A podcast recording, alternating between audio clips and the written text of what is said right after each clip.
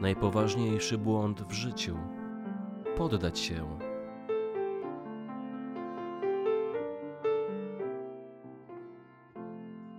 Nie bierz wszystkiego, co słyszysz do siebie, podpowiadają przyjaciele. Ty nie jesteś taka. Ty nie jesteś taki. Jak mogę nie brać wszystkiego, co słyszę do siebie, kiedy czuję się zraniony, skrzywdzony i upokorzony? Jestem w rozpaczy, w żalu, w depresji. Otóż możesz tego nie brać do siebie i nawet trzeba nauczyć się puszczać to wolno. To, co mówią inni na Twój temat, to jest wyłącznie ich problem. Problem, jaki mają sami ze sobą. Co Ty możesz z tym zrobić? To po co się denerwować i pozwalać sobie na obniżenie własnej wartości? Taka sytuacja przypomina mi pewną opowieść o dwóch żabach, które wpadły do misy ze śmietaną. Machały łapkami jakiś czas i tonęły w tej śmietanie, ale resztkami sił wciąż jeszcze walczyły o życie. W końcu jedna z nich powiada: To nie ma sensu. I tak nie damy rady. Jesteśmy zmęczone i do niczego. I po chwili zatonęła w śmietanowej głębinie. Tymczasem druga żaba dalej przebierała łapkami tak mocno, na ile sił jej starczyło.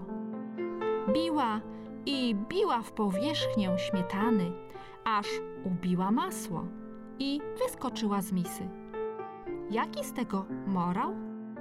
Nie warto słuchać ludzi, którzy ściągają nas w dół, jeśli na swoje życie mamy zupełnie inny plan. Druga żaba miała więcej szczęścia, bo była głucha na marudzenie, zrzędzenie i narzekanie innych. Czy nie czas już uleczyć swoje negatywne przekonanie i przekształcić je na pozytywne znaczenie, aby wyskoczyć z pułapki i pójść dalej?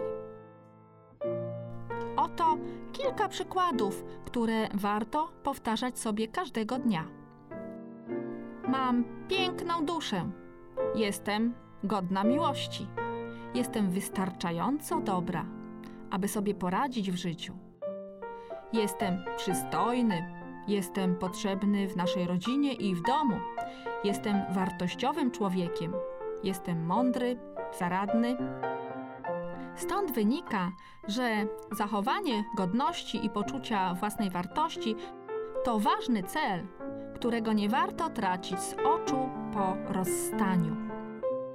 Wszak również bez naszych partnerów przedstawiamy sporą wartość jako ludzie, niezależnie co inni do nas mówią i co uważają na nasz temat. Tym bardziej ma ono niezwykłe znaczenie i moc, gdy w czasie procesu zmian uczymy się innych reakcji, zmieniamy swoje nawyki i przekonania. Usamodzielniamy się. Stajemy się silniejszymi i zaradniejszymi ludźmi niż byliśmy w związku.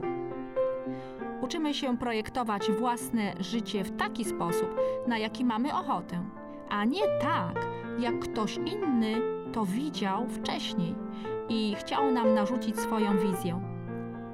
Mnie w moim związku zabraniano uczyć się i korzystać z wielu kursów oraz szkoleń, jak też podejmowania jakichkolwiek studiów podyplomowych. A pretekstem dla mojego byłego męża do rozwodu paradoksalnie stały się lekcje angielskiego w senior group w szkole języków obcych, na które chodziłam tylko dwa razy w tygodniu. Pewnego dnia wróciłam i znów usłyszałam: Bo jak nie, to rozwód. Jeśli nie zaprzestanę chodzenia na angielski. Znasz ten typ ludzi, którzy ściągają cię w dół, mówiąc, że jesteś za stara na naukę, za tempa i właściwie to po co ci to? Ludzi, którzy nie pozwalają ci na rozwój twojej osobowości i duszy. Byłam zdruzgotana i bezradna w tej sytuacji. gdyż dano mi tylko dwie możliwości wyboru: albo rozwód, albo zakaz uczenia się języka angielskiego. Co uwielbiałam robić? Skończyło się wprowadzeniem pozwu do sądu. Po 28 latach małżeństwa i po ciągłych zakazach, nakazach i wiecznym mnie szantażowaniu rozwodem w momencie, jeśli druga strona chciała uzyskać dla siebie jakieś korzyści. Nie pytano mnie, co jest dla mnie ważne, co sprawia mi radość, kiedy czuję się szczęśliwa. Nie zapytano mnie, jak się z tym czuję, że się uczę i rozwijam. Mojego partnera najwyraźniej zupełnie to nie interesowało. Ważne, aby jego było na wierzchu.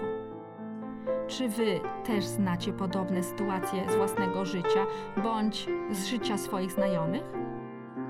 To sprawia, że pewnego dnia podejmujesz decyzję, że pisząc dalszą historię swojego życia, nie pozwalasz nikomu trzymać swojego pióra. Czy pamiętasz to niezwykłe uczucie, kiedy po raz pierwszy wyruszaliśmy w samodzielną podróż? Tak, to było bardzo podniecające. Oznaczało to, że wychodzimy z dzieciństwa i wchodzimy w dorosłość. Samodzielna podróż sprawiała, że potrzebowaliśmy nabrać więcej odwagi, gdyż mogliśmy liczyć wyłącznie na siebie, na swoje pomysły i na swoje siły. Samodzielność ta pomagała nam stać się w, w pełni odpowiedzialnymi za siebie ludźmi. Oczekiwaliśmy wielu przygód i byliśmy tacy dumni z tego, że w trakcie podróży tak doskonale sobie poradziliśmy. Samodzielność jest jak podróż w kierunku wyznaczonego celu, podczas której z pełną odpowiedzialnością kreujemy i wytyczamy własną drogę życia. Nigdy się nie poddawaj.